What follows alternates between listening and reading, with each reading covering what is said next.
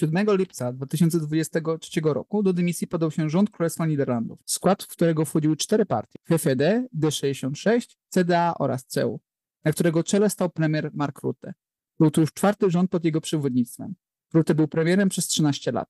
Czyniło go to drugim po Wiktorze Orbanie z Węgier, najdłużej rządzącym premierem w Unii Europejskiej. O chwianiu się koalicji mówiono od jakiegoś czasu, tym bardziej, że powód, jaki ostatecznie podzielił koalicjantów, nie jest błahy. Chodzi o politykę migracyjną, a dokładniej o to, czy Holandia zaostrzy prawa azylowe i możliwość łączenia rodzin. FFD oraz CDA były za zaostrzeniem polityki, z kolei CU oraz D66 przeciwko. Do konsensusu politycy nie mogli dojść od kilku tygodni. Po weekendzie, 10 lipca, Mark Rutte nie tylko podał się do dymisji, co uczynił to oficjalnie składając ją na ręce króla Wilema Aleksandra, ale również ogłosił, że rezygnuje z polityki i nie tylko nie będzie się ubiegał o ponowną posadę premiera oraz członka drugiej izby parlamentu, ale również, że ustępuje z szefostwa PFD. Dzień dobry Państwu, ja się nazywam Patryk Kulpok i jestem tutaj z Krzysiek Dobosiewicz, amator polityki europejskiej. I witamy Was na pierwszym, w pierwszym odcinku naszego podcastu Polderownia. To nasz ogólnie też pierwszy podcast w życiu, nie tylko pierwszy odcinek. Obaj nie mamy doświadczenia w nagrywaniu podcastów, więc zapewne nie słyszycie Państwo ani jingla, być może logo jest w e, one są jakby w trakcie, ale postanowiliśmy po prostu, że już nagrać ten pierwszy odcinek i podzielić się z Państwem naszymi opiniami oraz spostrzeżeniami, jeżeli chodzi o kolejny już upadek holenderskiego rządu. Codziennie ja mieszkam już od kilku lat w Holandii, trochę przez przypadek, trochę nie.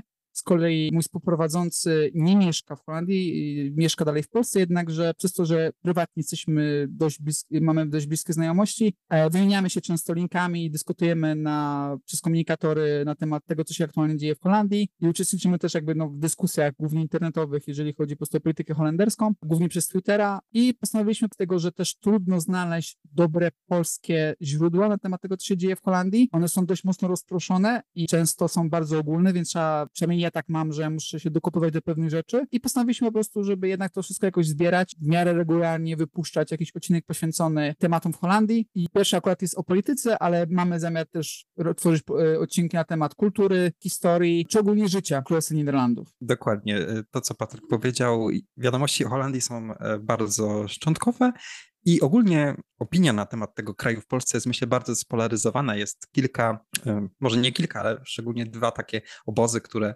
e, się jakby troszeczkę nie potrafią dogadać prezentują różną wizję tego państwa. Jeden jest taki, który prezentuje Holandię jako raj, jako kraj, w którym można wszystko, w którym jest legalna aborcja, legalna eutanazja, legalne narkotyki, a z drugiej strony obóz, który twierdzi, że Holandia jest jakimś piekłem na ziemi, gdzie porywa się y, starszych ludzi i umieszcza w domach opieki, by ich później poddać y, eutanazji. Więc chcemy w tym podcaście troszeczkę odczarować ten obraz, y, powiedzieć, że, że tak nie jest, przybliżyć faktycznie realną Holandię. Myślę, że z moją pomocą będzie to jakkolwiek ciekawe. Mój głos będzie, będzie raczej z perspektywy osoby, która przyjeżdża do Holandii w celach turystycznych. Byłem kilka razy, jest to bardzo przyjemny kraj do, do odwiedzenia, bardzo łatwo się po nim poruszać, można poruszać się rowerem, komunikacją publiczną, wiele ludzi ludzi mówi, mówi po angielsku, więc z komunikacją też nie ma problemu. Więc chciałbym też dorzucić y, moje trzy grosze i dziękuję serdecznie, że Patryk, Patryku, że mnie do tego namówiłeś i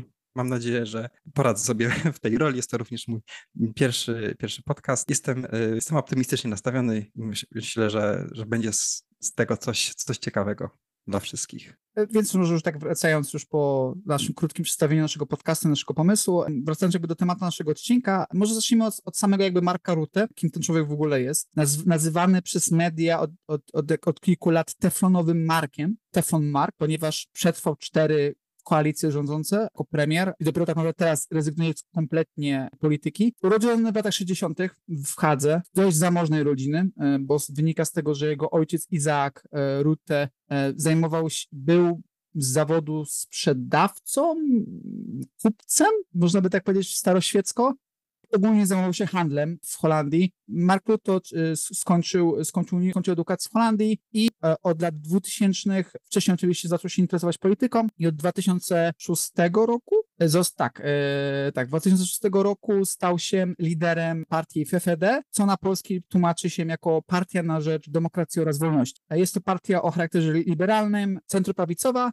Z jednej strony rzecz jasna jest za, oczywiście za prawami osób LGBT, jest za aborcją, za eutanazją, ale z drugiej strony rzecz jasna obniżenie podatków dla jednak bogatszych ludzi. No, taka typowo liberalna partia europejska, tak? Ale progresywna, y, progresywna, ale gospodarczo również jakby liberalna. Mark Rutte od czasów kryzysu finansowego w 2008 roku no, stał na czele pierwszej koalicji rządzącej. Była to koalicja, z, y, był to, była to koalicja złożona z trzech de facto z trzech partii, ale tak naprawdę z dwóch, ponieważ był to rząd mniejszościowy. Składał się on właśnie z FFD, z no, dość długiego koalicjanta FFD, czyli CDA. To partia chrześcijańsko-demokratyczna, czyli taka Hadecja europejska. Na polski tą nazwę tłumaczy się jako y, chrześcijański apel demokratyczny, a te dwie partie miały mniejszość y, w parlamencie, ponieważ aktualnie w drugiej izbie jest 150 posłów i posłanek, więc trzeba mieć przynajmniej 70 sześć osób do, do większości. I tutaj na scenę pojawia się PWW, czyli Partia, na, e, partia dla Wolności. Jest to, partia, jest to partia skrajnie prawicowa, głównie antyimigrancka, zamiast tego, że jest antyimigrancka, e, głównie sprzeciwia się e, migracji osób z krajów muzułmańskich, z Maroka, z Turcji, z Syrii, z Iraku. I ta partia pod przewodnictwem Herda, Herda Wildersa poparła rząd mniejszościowy FFD-CDA. E, rząd rozpadł się, e, nie doszedł do końca kadencji, bo to rząd Rutte 1. Powód był taki, ponieważ z, 2000, e, z powodu kryzysu finansowego w 2008 roku Holandia musiała również ciąć różnego rodzaju wydatki socjalne oraz wydatki, czy to właśnie emerytalne i tak dalej. I Gert Wilders, który w pewnym momencie odszedł od koalicji po jednym ze spotkań na temat długich spotkań, bo to spotkanie trwało kilka dni, umówione tu plan budżetowy, jak po nim oszczędzić. Gert Wilders miał później powiedzieć, że anulował sobie poparcie na, dla rządu Marka Rutte, ponieważ e, spowodowały bardzo duże problemy dla osób, które są na emeryturach i tak oto rozpadł się w dużym skrócie rząd Mark Rutte 1. Dokładnie. W 2012 roku zostały ogłoszone przyspieszone wybory. E, w przyspieszonych wyborach prym wiodły wówczas dwie główne partie. Partia Marka Rutte WWD, która uzyskała swój rekordowo wysoki wynik, prawie 27%, Uzyskała również 10 dodatkowych miejsc w drugiej izbie parlamentu. I rząd ten, partia, jak Patryk wcześniej powiedział, liberalna y, gospodarczo, stworzyła z partią pracy. Partią, która była wówczas druga, miała 25%, więc ta różnica w mandatach nie była, nie była y, aż tak wielka między WWD a PWDA, co spowodowało, że został powołany rząd Marka Rutte II, składający się z tych dwóch partii. Jak możemy się domyślić, partia liberalna gospodarczo i partia socjaldemokratyczna, jedna z głównych partii e, holenderskich, która przez w latach 40. i od II wojny światowej wiodła prym na, na, na, na holenderskiej scenie politycznej. Była to partia, z której wywodzili się premierzy, np. Job den Uyl czy Wim Kok, jak również była to partia, która współrządziła z innymi partiami, głównie właśnie z Hadecją, i tutaj, tutaj tego należy wspomnieć, że swego czasu, właśnie w czasach głównie powojennych, partia PWDA, Partia Pracy, ogólnie miała duże poparcie wśród, wśród, wśród Holendrów. Jeżeli chodzi o miejsca w parlamencie, to no, była jakby często tak naprawdę największą partią, jeżeli chodzi o ilość członków w parlamencie, więc ten nurt socjaldemokratyczny powojenny w, w Europie był też jakby widoczny w Holandii. Zresztą, e, zresztą tylko taka wspomnę, jednym z bardziej znanych burmistrzów Amsterdamu powojennych był jeden z braci Van Hal, e, który zresztą jest znany tutaj z, z, z czasów okupacji niemieckiej, który po prostu e, wysłał pieniądze ze swoim bratem, żeby wspomóc holenderski ruch oporu oraz holenderską flotę. No, przez dwie kadencje był po prostu burmistrzem Amsterdamu właśnie z ramienia Partii Pracy. Dokładnie. Partia Pracy niestety na tym rządzie nie wypadła najlepiej, wypadła powiedzmy tragicznie. E, ponieważ w 2017 roku jej poparcie z prawie 25%, które uzyskała, spadło na 6%. 6%. I to jakby, to jakby pokazuje, że no jednak odwrócenie się tak naprawdę od swoich ideałów socjaldemokratycznych na zdecydowanie bardziej ideały liberalne, e, no jednak spowodowało to, że ludzie, no w zwykłej Holendzie, tak, którzy po prostu uważali się za socjaldemokratów a, i popierali jakby partię pracy, no, stwierdzili, że no, nie jest mi po drodze za bardzo z tą partią, no i po prostu tak. to, to poparcie się tak naprawdę rozproszyło. Głównie na partie, na partie lewicowe, no ale też tak. wiadomo, że ludzie często, często, czasami po prostu zmieniają poglądy na trochę inne, więc e, też niektóre partie bardziej prawicowe zdobyły poparcie z, z, z partii, od, od, od, byłych, byłych zwolenników Partii Pracy. Tak jak Patryk powiedziałeś, y, poparcie rozproszyło się na inne, na inne partie, na partie bardziej lewicowe, no, dla zielonych, y, Partia Praw Zwierząt. O partiach politycznych w Holandii oczywiście jeszcze mam nadzieję, powiemy w przyszłych e, odcinkach. Również skrajna prawica na tym skorzystała. Widzimy, jest to, myślę, zbieżne z trendem, który występuje w innych krajach europejskich, gdzie partie skrajne pozyskują wyborców tradycyjnie socjaldemokratycznych, wyborców lewicowych. Niestety po tym e, rządzie, który przetrwał całą swoją kadencję. I należy to jest to, jakimś należy, ewenementem tak, tak, bo w, w tym kraju. Należy wspomnieć, że od czasów Wima Koka, który, którego rząd zakończył się w 2002 roku, e, który była jego druga, jego druga kadencja jako premiera, był to rząd socjaldemokratyczny, już też z koalicją FFD, jednakże tym wiodło Partia Pracy. Był to pierwszy rząd, który przetrwał swoją, swoją kadencję, ponieważ cztery rządy Jana Balkenende z ramienia CDA nie przetrwały swoich, swoich rządów i są to cztery rządy, więc tak, Mark Rutte dwa przetrwał jako rząd. Przetrwał. I Jednakże może... z tym, że PWDA nie, nie, jakby z, z, tego przetrwania jakby nie, nie wyszło z obronną ręką i tak naprawdę straciło na to więcej niż zyskała.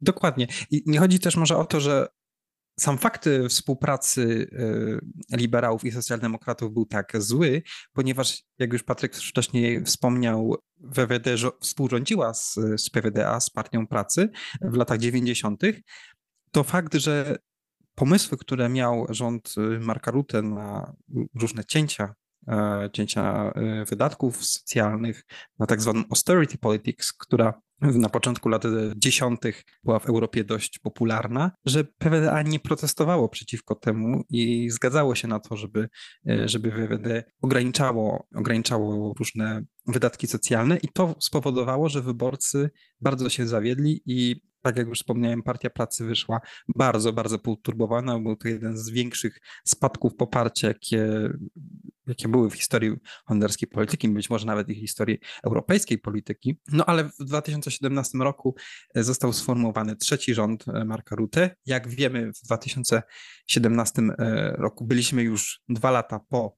tak zwanym kryzysie migracyjnym z 2015 roku, gdzie w Europie bardzo wiele y, partii skrajnie prawicowych, partii populistycznych y, zdobyło poparcie. Y, partia Wildersa dostała swoje rekordowo wysokie poparcie. Było to, jak, jak już tutaj patrzę, prawie 13%. Była to wówczas druga największa partia w Holandii. Partia Pracy została pokonana. W 2007 to też jakby warto yy, bo być może ktoś z Państwa teraz trochę się łapie za głowę, 13% i druga partia. E, tak, Holandia aż niecałe 18 milionów ludzi, z czego głosować może 8 milionów y, ludzi E, może być aktualnie już w tym momencie e, przystąpić do głosowania. Z 18 milionów, e, niecałych 18 milionów ogólnie, jeżeli chodzi o populację. Też w parlamencie holenderskim nie istnieje de facto próg wyborczy, jakby jest bardzo niski każda partia, która startuje w wyborach, jest w stanie się tam dostać. Bo z tego, co ostatnio sprawdzałem, to e, ByN, która ma aktualnie jedną posłankę, dostała trochę więcej niż pół miliona głosów, więc tak naprawdę, jeżeli w skali kraju e, zbierze się mniej więcej pół miliona głosów, trochę więcej, i ta partia jest w stanie wysłać jedną osobę do parlamentu i aktualnie w parlamencie holenderskim tych partii mamy aż 15. Od przekroju od skrajnej prawicy do skrajnej lewicy. Więc partia, Dokładnie. która ma w skali kraju 15%, jest w top 3. Można to tak Dokładnie. tak powiedzieć. Ten temat myślę, że omówimy w przyszłych odcinkach. Jest on bardzo ciekawy, ponieważ właśnie holenderski y, system jest y, zupełnie inny, y, zupełnie inny od krajów, które z Holendią sąsiadują, od Niemiec, od Belgii, od Polski. Jest dosyć unikatowy, dosyć ciekawy i myślę, że ma swoje plusy, ma też również swoje, swoje minusy i Jednym z minusów jest to, przynajmniej w mojej opinii, nie wiem, czy Państwo się z tym zgodzą, czy Ty, Patryku, się z tym zgodzisz, jest to, że powodują bardzo duże rozdrobnienie sceny politycznej i właśnie w 2017 roku partia Wildersa stała 12%, była drugą, e, drugą siłą w parlamencie, no ale wymagało to stworzenia bardziej szerszej koalicji, która zawierałaby w sobie więcej partii. Tak, zatem powstała koalicja złożona z partii aż czterech, z WWD, CDA, D66 i CU. To są te partie, które formowały koalicję aż do aż do tego roku, ponieważ w 2021 roku po wyborach koalicja została odświeżona. No i koalicja myślę, że pierwsza była pierwsza koalicja złożona z tych czterech partii, czyli trzeci rząd Marka Rutte, nie był dosyć kontrowersyjny aż do czasu, aż do 2021 roku.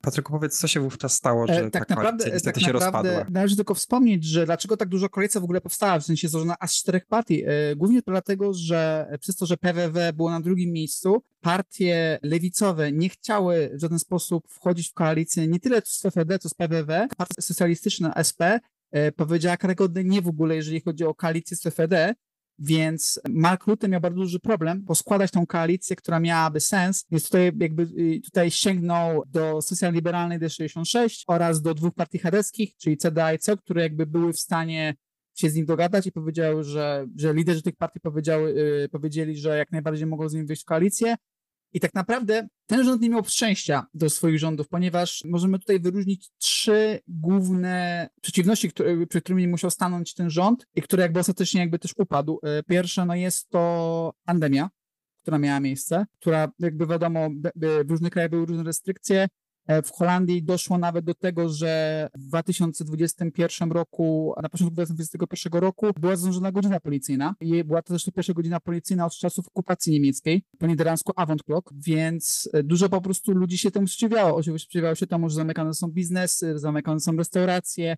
No ja miałem szczęście przeprowadzić się do Holandii akurat kiedy był po prostu szczyt covid i to był chyba pierwszy i ostatni raz, kiedy widziałem pusty Amsterdam bo turystów w ogóle nie było i ulice Amsterdamu po prostu były puste, więc y, było to dość, dość niesamowite z jednej strony, że tak naprawdę po ulicy po prostu były pojedyncze osoby, które najczęściej po prostu mieszkały w Holandii. Drugim natomiast problemem był e, skandal, który, który wyszedł, on, on się naprawdę ciągnął przez kilka lat, a dopiero jakby wyszedł w 2021 roku, bo okazało się, że rząd stworzył algorytm, który w systemie, i teraz żeby tylko dać kontekst, w Holandii istnieje coś podobnego na kształt 500, czyli niemieckiego Kindergeldu, i on przysługuje wszystkim osobom, które mieszkają na temat, y, w Holandii i mają dzieci, żeby na przykład opłacić przedszkole. Jednakże rząd stworzył algorytm, który w systemie znajdował po nazwiskach i po nazwiskach, które mają mieć ewidentnie brzmiąco um, azjatycko, afrykańsko czy, Europo, czy europowschodnie e, brzmiące nazwiska,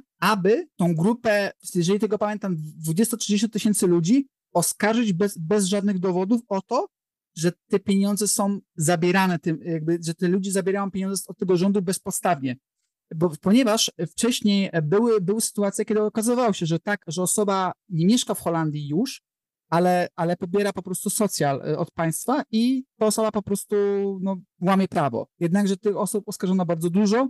Y, no, w większości z nich były to osoby, które nie zrobiły nic złego, tylko po prostu miały pochodzenie imigranckie i skończyło się po prostu to tym, że to był jakby gwóźdź do trumny tak naprawdę y, rządu RUT 3 i trzecią, trzecią, trzecią sprawą e, był protest farmerów, którzy sprzeciwiali się e, obniżce e, tworzenia się azotu przez zwierzęta hodowlane. Blokowali oni ulice, temat swoich traktorów. No tak naprawdę te trzy główne rzeczy zakończyły, jakby ta kumulacja spowodowała to, że rząd RUT-3 w 2021 roku upadł, podał się do dymisji i zarządzono kolejne przyspieszone wybory. Zostało powiedziane, y, że funkcjonował ze specjalnym statusem rządu zdymisjonowanego przez y, bodajże dwa miesiące od ujawnienia tego skandalu, gdzie, tak jak Patryk powiedział, ponad 20 tysięcy rodzin z e, imionami i nazwiskami, e, które nie brzmią holendersko, zostały niesłusznie oskarżone przez służby podatkowe o, o, o te wyłudzenia. Spowodowało to bardzo wiele różnych reperkusji. Powodowało to, że niektórzy politycy również na tym zyskali, na walce o prawa tych rodzin. Chodzi tutaj o postać pana Omzychta, o którym też myślę, że porozmawiamy w, w przyszłości. Jest to bardzo ciekawy, ciekawy człowiek.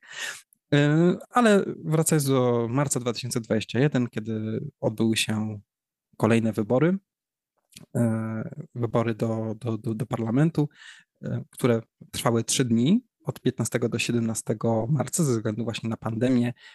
Ten czas na oddawanie głosów został przedłużony. Frekwencja była wówczas troszkę niższa niż poprzednio, ale nadal dosyć wysoka, bo niecałe 78%. I Wyniki tych wyborów e, były mniej więcej e, do przewidzenia z perspektywy obserwatorów, ponieważ partia premiera Rutte Wywyday została na bardzo poziom, podobnym poziomie, dostała niecałe 22% głosów. Partia Chrześcijańsko-Demokratyczna CDA niecałe 10%, partia CU około 4%, ale możliwe, że jednym z, z, pozytywnych zaskoczeń tych wyborów był bardzo dobry wynik D66, tej partii socjal-liberalnej, która uzyskała aż 15%, poprawiła swój wynik z 2017 roku, w którym miała niecałe 12% poparcia. Było to spowodowane taktycznym głosowaniem przez wyborców bardziej lewicowych, ponieważ liderka Sigrid Kak, która została później wicepremier, e, obiecała nowe przywództwo, e, nowe przywództwo kraju, e, odnowienie polityki i perspektywę pierwszej kobiety na stanowisku premiera, co jest również dosyć zaskakujące, ponieważ w Holandii e, kadencje premierów są bardzo długie, no i niestety żadna kobieta nie miała jeszcze możliwości, żeby, żeby zostać, zostać premierką. Ten rząd ten został odnowiony. Wszystkie cztery partie zostały, zostały powołane w skład, w skład tego rządu. Oczywiście nastąpiły przetasowania w, w rankach ministrów, wice, ministrów, tak zwanych sekretarzy, sekretarzy stanu, ponieważ w Holandii są ministrowie, ministrowie bez tagi oraz sekretarze stanu. Wszyscy oni wchodzą e, w skład rządu i rząd ten, no niestety nie miał, e, nie miał ład, ponieważ formowanie całego kabinetu trwało bardzo, bardzo długo, ponad 300 dni. Od marca aż praktycznie do końca 2021 roku trwały rozmowy, negocjacje, trwały rozmowy, trwały negocjacje między partiami. Jak widzimy, były to partie, które wchodziły już w skład poprzedniego rządu.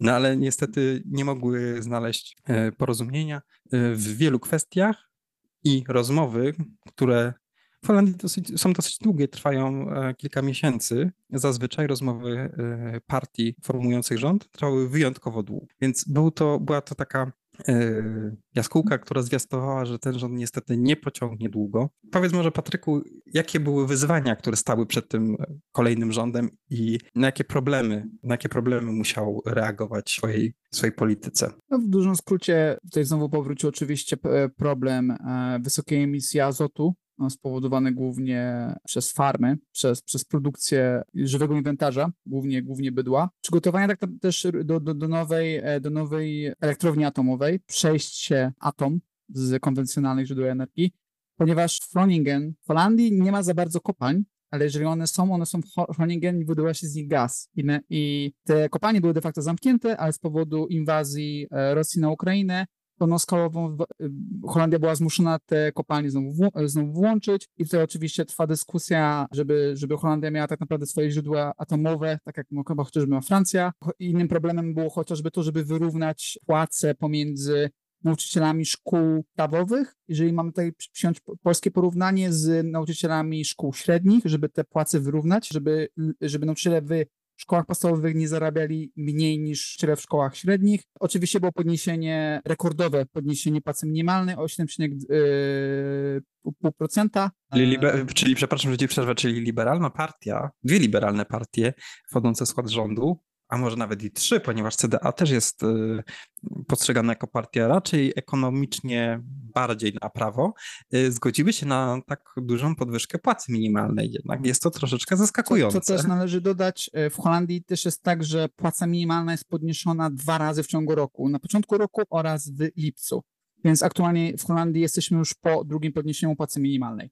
Automatycznie, będzie, podnie, automatycznie, tak? Tak, tak. E, na, następne podniesienie będzie oczywiście zaplanowane na przyszły rok, na początek przyszłego roku, bo już takie informacje jakby dochodzą. Dodać można też na przykład o redukcję dwutlenku węgla, czyli obniżenie o 55% obniżenie dwutlenka węgla do 2030 roku, zmniejszenie kosztów, jeżeli chodzi o, ogólnie o opiekę, e, na przykład o opiekę nad dziećmi, czyli, e, osoby, czyli głównie kobiety pracujące w żłobkach i przedszkolach, czy na przykład opiekę nad osobami starszymi, E, oraz oczywiście regulacja sektora wynajmu w Holandii, ponieważ Holandia od wielu, wielu lat, od 2008 roku tak naprawdę ma kryzys związany z mieszkaniami. Według, I teraz według prawa, które weszło do Holandii, e, osoba, która wynajmuje komuś mieszkanie, może e, zażądać tylko i wyłącznie dwukrotności czynszu jako zabezpieczenie w postaci depozytu za mieszkanie, ponieważ było to nadużywane w przeszłości i rząd holenderski, oczywiście z większością tak naprawdę opozycji,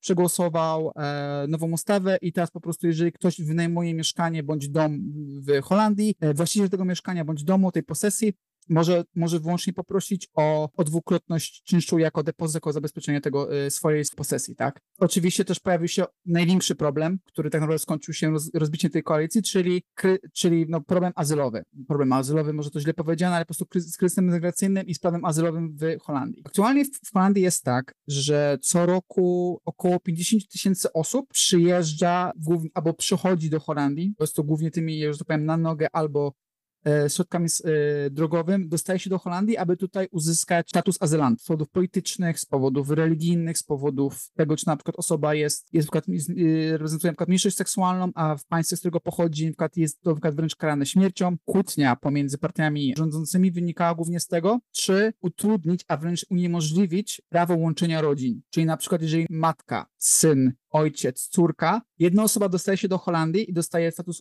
azyla, azylanta, czy ta osoba dalej może po prostu sprowadzić z pomocą ciasna holenderskiego państwa, sprowadzić swoją rodzinę z kraju pochodzenia, tą osobę, tę osobę po prostu do Holandii. I tutaj mówimy nie, nie tyle na co jedną, dwóch osób, ale na przykład też na przykład o takie sytuacje, przykład ludzie chcą sprowadzić na przykład 10 osób swojej, swojej rodziny, bo to jest jakby ich najbliższa rodzina, tak. I tutaj chodzi do przodu e, Miriam Bicker, czyli aktualnie szefowa e, Unii Chrześcijańskiej, która skrytykowała dość mocno możliwość jakby zakazu łączenia rodzin i najciekawsze jest to, że użyła argumentu argumentów dość mocno chrześcijańskich. W dużym skrócie po prostu CU de facto powiedziało, że azylanci i uchodźcy to też ludzie, więc należy im się pomóc. Też Wiedziała, że... należy, należy, też pamiętać, tylko, tylko jeszcze dodam, należy też pamiętać, że CU nie jest progresywną partią, ponieważ CU oficjalnie w swoim statusie jest za zakazem aborcji, za zakazem małżeństw jednopłciowych, czy za zakazem eutanazji. Jednakże w kwestii uchodźców czy azylantów, tutaj partia CU pokaza, jest dość progresywna, jeżeli chodzi o to, bo jak to sama, sama szefowa tej partii stwierdziła, no chodzi tutaj o ludzkie życie. Tak, partia CU jest e, bardzo ciekawym tworem. Jest to oczywiście również Unia innych partii e, chrześcijańskich, która powstała w 2001 roku. Partia, która łączy e, progresywizm w sprawach uchodźczych, w sprawach azylantów, progresywizm w sprawach środowiska, zmian klimatycznych z konserwatyzmem światopoglądowym w sprawach aborcji, małżeństw jednopłciowych czy eutanazji, tematów, które już w Holandii raczej nie budzą większego zainteresowania ani nie wywołują e, żarliwych debat. Jednak partia wychodzi z założenia, że kieruje się y, chrześcijańskimi, protestanckimi, e, protestanckim nauczaniem w tych kwestiach, jeszcze precyzyjnie kalwińskim, więc tak, jest to partia, która jest dosyć, dosyć ciekawym tworem. Jednakże w tym konkretnym przypadku mm, partia ta, partia CU wraz z partią D66 zaoponowały, nie zgodziły się na te y, zmiany, które uniemożliwiałyby łączenie rodzin. Dwie pozostałe partie, partia premiera Rutte i partia CDA, chciały ugrać mm, coś y, dla siebie, ponieważ ogólnie w Holandii prawie dwie trzecie populacji opowiada się za zmianami prawie migracyjnym, za jednak zaostrzeniem tego kursu. Myślę, że była to, był to jakiś, jakiś argument, który chciał sprawić, że, że te partie, te dwie mainstreamowe partie wytrąciłyby część wyborców e, partiom jeszcze bardziej na prawo. No ale jednak ten ruch spowodował, że rozpadła się ta koalicja. Koalicja, która przetrwała licząc dokładnie prawie półtorej roku, prawie półtorej roku, więc y, nie była ona nawet w połowie swojego limitu mm, czteroletniego. No i Patryk, jak myślisz, y, co, co będzie dalej? Zostały zapowiedziane nowe wybory. Tak. Czy na Holandię mini, mini trzęsienie ziemi, mini polityczne trzęsienie ziemi? E, no tak, należy wspomnieć, że wybory odbędą się w środę, 22 listopada tego roku. E, jest to środa. E, rzecz jasna, w Holandii istnieje prawo, że może się po prostu zwolnić przez parę godzin z pracy, żeby po prostu móc zagłosować. Dodatkowo głosowanie w Holandii działa trochę inaczej. Dostaje się po prostu pocztą e, zwanego stempasa, czyli jakby pozwolenie na głosowanie i z tym stempasem oraz ze swoim dowodem osobistym bądź paszportem po prostu u, można się po prostu udać do jakiegokolwiek lokalu wyborczego w swojej okolicy. Nie ma się przypisanego lokalu wyborczego, więc tak naprawdę idąc do pracy albo z pracy, możesz, można po prostu, po prostu wstąpić do lokalu wyborczego i tam zagłosować. A w zeszłym roku 35 tysięcy ludzi ubiegało się o status azylanta na terenie Holandii. E, prawdopodobnie ta liczba będzie większa już w tym roku, ponieważ też nie wszystkie wnioski zostały przyjęte w zeszłym roku. Z powodu po jest za dużo osób, które do tego wniosku są i za mało pracowników, którzy te wnioski mogą sprawdzać i je akceptować bądź odrzucać. Co jest ciekawe, od jeszcze w 2019 roku e, oficjalnie e, Holandia potrzebowała co roku około 50 tysięcy migrantów e, zarobkowych. Nie jest tajemnicą, że dość dużą grupą migrantów zarobkowych, jedną z, z większych tak naprawdę, są Polacy oraz inne narody Europy Wschodniej. Rumuni, Węgrzy, Bułgarzy,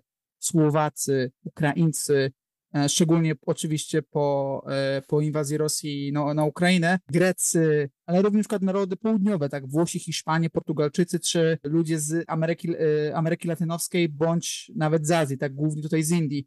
Jest, i, jest, jest tak, Powiedzmy też szczerze, że tutaj chciałbym zaznaczyć, że Turcy są największą. Tak, właśnie Turcy, Marokańczycy, tak, jakby oczywiście. Największa, największa zresztą grupa, grupa migrantów i osób z pochodzeniem migranckim, czyli Turcy i Marokańczycy. I tutaj właśnie jest problem, w sensie problem. Z jednej strony jest dość duża grupa azylantów, z drugiej strony jest wymóg tego, że po prostu brakuje rąk do pracy, bo nawet jeżeli ci ludzie przyjeżdżają ciągle jakby legalnie, tak, e, czy to bez wizy, czy z wizy, bo jeżeli oczywiście jest obywatelem się Unii Europejskiej, wiza nie jest wymagana, jeżeli spoza, spoza Unii Europejskiej, to ta wiza jest wymagana, ale oczywiście na przykład Turcja ma kompletnie inny sposób, ma inny rodzaj wizy, na przykład Marokańczycy, czy na przykład e, osoby z byłych kolonii holenderskich, właśnie Surinam, czy, czy sześciu wysp na Morzu Karaibskich, czy na przykład tutaj też Indonezyjczycy. Jedna z, wciąż tutaj jednak, pomimo tego, że ci ludzie cały czas przyjeżdżają i przylatują do, do Holandii, a to było jeszcze przed COVID-em, więc ta, ta liczba prawdopodobnie tylko, nie znalazłem innych danych, może ta liczba zdecydowanie będzie większa, więc tutaj pojawia się grupa azylantów. I z tego, co słuchałem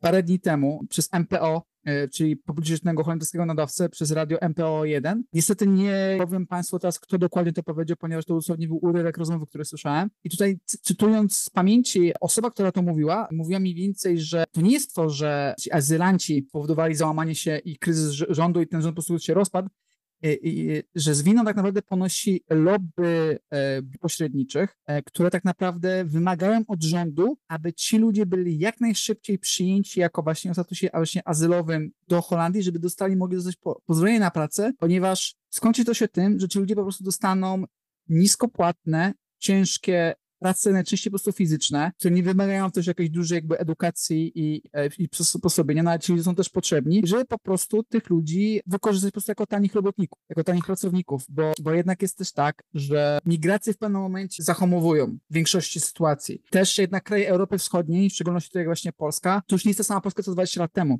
przed przyjściem do Unii Europejskiej poziom życia w Polsce jednak rośnie. I coraz mniej ludzi decyduje się o migrację, bo w sumie po co, jeżeli, jeżeli nie jest tak źle jak w Polsce, jak kiedyś było, więc tak naprawdę coraz mniej ludzi decyduje się o, żeby po prostu wyjechać zarobkowo, albo na przykład przyjeżdżają do, do Holandii na, na krótsze etaty, na, na krótszy okres, na krótsze okresy i y, głównie właśnie do prac, czy to w magazynie, czy to, czy to w szklarniach. I ci po prostu po prostu wracają do Holandii, na już nigdy nie wracają, na zarabiają na, na dom, zarabiają na samochód albo na wesele już nigdy nie wracają. I tutaj właśnie pojawiają się ci azylanci z krajów takich właśnie jak Syria, jak Sudan, Irak, Somalia, kraje Afganistan prostu. Afganistan, Kongo, Dokładnie. kraje, w których toczą się e, głównie konflikty zbrojne.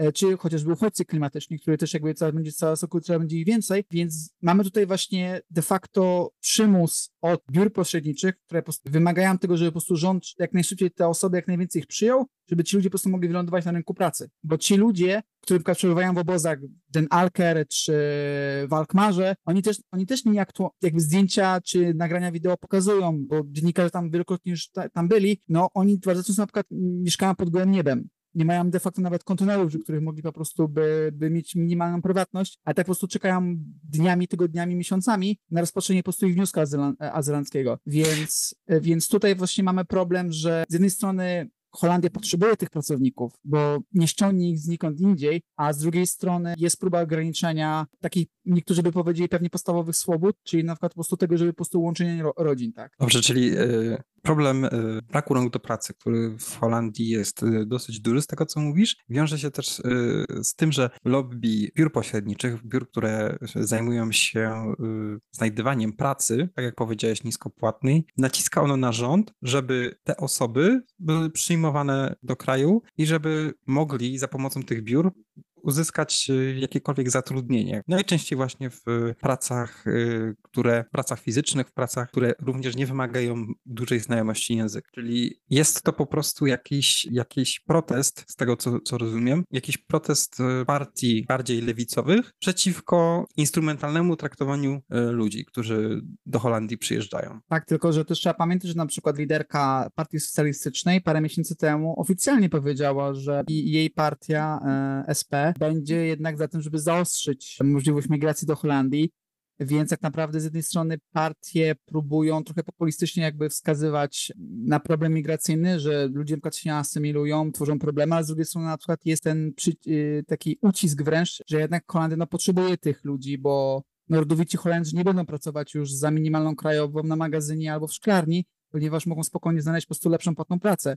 Czy y, nawet jeżeli taka sama praca, to na pewno lepsze pada, bo na przykład mogą tą pracę znaleźć bezpośrednio, a nie przez biuro pośrednicze. Dokładnie. A biura pośrednicze też jakby z czegoś żyją, żyją z pracowników. Tylko a... ja myślę, że to, co powiedziałeś o pa liderce Partii Socjalistycznej, to wpisuje się głównie w taki y, trend, y, może nie jakoś bardzo y, ogólnoeuropejski, ale w, zauważalny na przykład w Danii, która, gdzie partia socjaldemokratyczna jest jedną z bardziej y, antyimigranckich partii w tamtejszej polityce. Więc myślę, że jest to możliwe, myślę, że jest to jeden z, z to, co powiedziałeś o liderce partii socjalistycznej. Myślę, że wynika to z tego, że w Europie obserwujemy wśród y, niektórych partii y, lewicowych zwrot polityce migracyjnej bardziej na prawo, żeby chronić, oni mówią, chronić tutejszy krajowy rynek pracy przed osobami z zagranicy, żeby tutaj osoby już mieszkające miały lepszy dostęp, dostęp do pracy. Widzimy to na przykład y, w polityce duńskiej Partii Socjaldemokratycznej, która też jest bardzo, bardzo negatywnie nastawiona do właśnie uchodźców, do azylantów, też tworzy bardzo skomplikowane prawo, bardzo mm, utrudnione procedury e, uzyskania azylu, więc myślę, że jest to po prostu jaka, jakiś wyjątek, ale nie, nie tworzy on raczej reguły, ponieważ były różne dyskusje na temat e, tego, czy Partia Pracy PWDA powinna się odrodzić e, dzięki temu, że będzie bardziej ostra wobec azylantów, no ale myślę, że jednak widząc ich zbliżenie do Partii Zielonej Lewicy, ta retoryka została jakoś zarzucona. I tutaj, że tak powiem, już powoli zmierzając do końca, ponieważ wcześniej chcielibyśmy Państwa tutaj przygnieść jakimiś dużymi informacją o Holandii, jak na pierwszy odcinek, ale też na przykład o dwóch rzeczach chciałbym też wspomnieć zakończenie. Czyli nie tylko Mark Rutte odchodzi od polityki. Odchodzi od polityki również lider partii CDA, czyli Chrześcijańsko-Demokratycznego Apelu, Wopke Hoestra oraz Sigrid Hach, która jest, e, była liderką D66. Te trzy osoby, które no, były dość ważnymi osobami z polityki, no bo to są jednak trzy liderzy partii rządzących oraz mają funkcję ministrów. Sondaż prowadzony przez N, N. Wandach parę dni temu pokazał, zapytano 18 tysięcy ludzi e, w Holandii, czy życzą sobie Marka Rutte jako kolejnego premiera. 75% powiedziało, że nie. To też jakby pokazuje to, że pewni politycy, czy to z powodów prywatnych, czy z powodów e, zawodowych, odchodzą od polityki, bo tutaj z, z tego, co się dowiedziałem, Sigrid e, Kak miała dostawać wręcz pogróżki związane jakby ze swoją posadą i dlatego po prostu odchodzi z polityki i też zrzeka się funkcji szefowej D66. Wspomniane wcześniej Wopke Hoestra również i odchodzi od polityki oraz zrzeka się szefostwa CDA.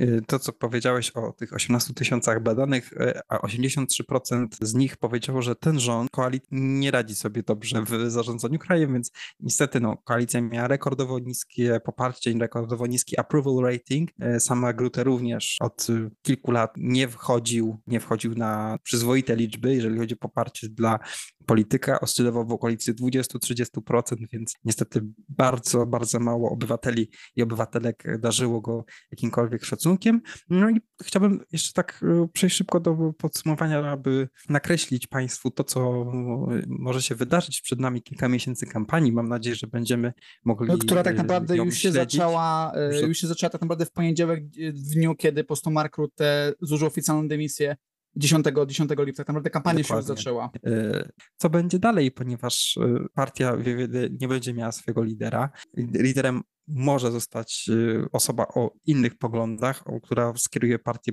na bardziej e, prawicowe tory. Jest partia farmerów, BBB, która powstała 3 lata temu. W 2021 roku uzyskała 1% e, poparcia. 4 lata temu powstała w 2019 roku. 2019 roku, dokładnie, więc jest to bardzo, bardzo świeża partia. Jest, jest Peter Omzich, który pomagał wielu rodzinom, które zostały pokrzywdzone w aferze z środkami dla dzieci, która spowodowała upadek trzeciego rządu Marka Rutte. I jest jeszcze Zjednoczona Lewica na horyzoncie, czyli wymiana już wiele razy Partia Pracy, która zbliżyła się do Partii Zielonych, do Partii Zielonej Lewicy i w przyszłych wyborach wystartują jako jedna lista, lista Zjednoczonej Lewicy. Jest, był to pomysł, który poparło bardzo wielu członków obu tych partii. Można być członkiem jednej i drugiej partii jednocześnie. To też dosyć ciekawe. Y, chcą oni odbudować lewicę, skupić się na tych tematach, które są dla Holendrów i Holenderek bardzo ważne, jak klimat, jak dostępność do usług publicznych, do mieszkań, więc y, jest to ciekawe, jak y, ta współpraca Poprawienie warunków potoczy. pracy, tak? Chociażby. Poprawienie warunków pracy, walka z tymi biurami pośrednictwa, które wyzyskują wielu ludzi. Naprawdę szykuje się bardzo ciekawa kampania. Ciekawa kampania będzie, będzie w Holandii, będzie to obserwować i czym się emocjonować. A my na pewno do tego tematu powrócimy, na pewno wcześniej niż przed listopadem, kiedy po prostu pojawią się jakieś ciekawsze informacje, czy jakieś naprawdę mocne sondaże, bo jakby wiadomo, sondaże mają to do siebie, że lubią się zmieniać w ciągu kilku tygodni, kilku miesięcy. Te wybory mogą namieszać w holenderskiej polityce i mogą kompletnie zmienić rząd, ale mogą też tak naprawdę nic nie zmienić i cały czas będzie to samo, co osobiście ja wątpię. I to byłoby dzisiaj na tyle, jeżeli chodzi o nasz pierwszy odcinek. Mam nadzieję, że Państwu się podobało. Ten, ten odcinek na pewno wyląduje na Spotify. Być może słuchają go już Państwo na innej platformie, z czego będziemy bardzo zadowoleni. Proszę nas jakby obserwować, e, czy zostawiać suby, jeżeli będzie taka możliwość. Będziemy się też starać te odcinki publikować w miarę regularnie. Jeszcze nie wiemy, czy z częstotliwością tygodnia bądź dwóch, ale tak jakby też ten podcast pozostanie podcastem po polsku, bo też jakby był taki zamiar, żeby go kierować do osób, które posługują się językiem polskim. Czy Krzysztofie masz coś do dodania? jeżeli, ja jeżeli po, po, pierwszym odcinku. Ja y, serdecznie dziękuję za to, że, że mogę być współprowadzącym tego podcastu.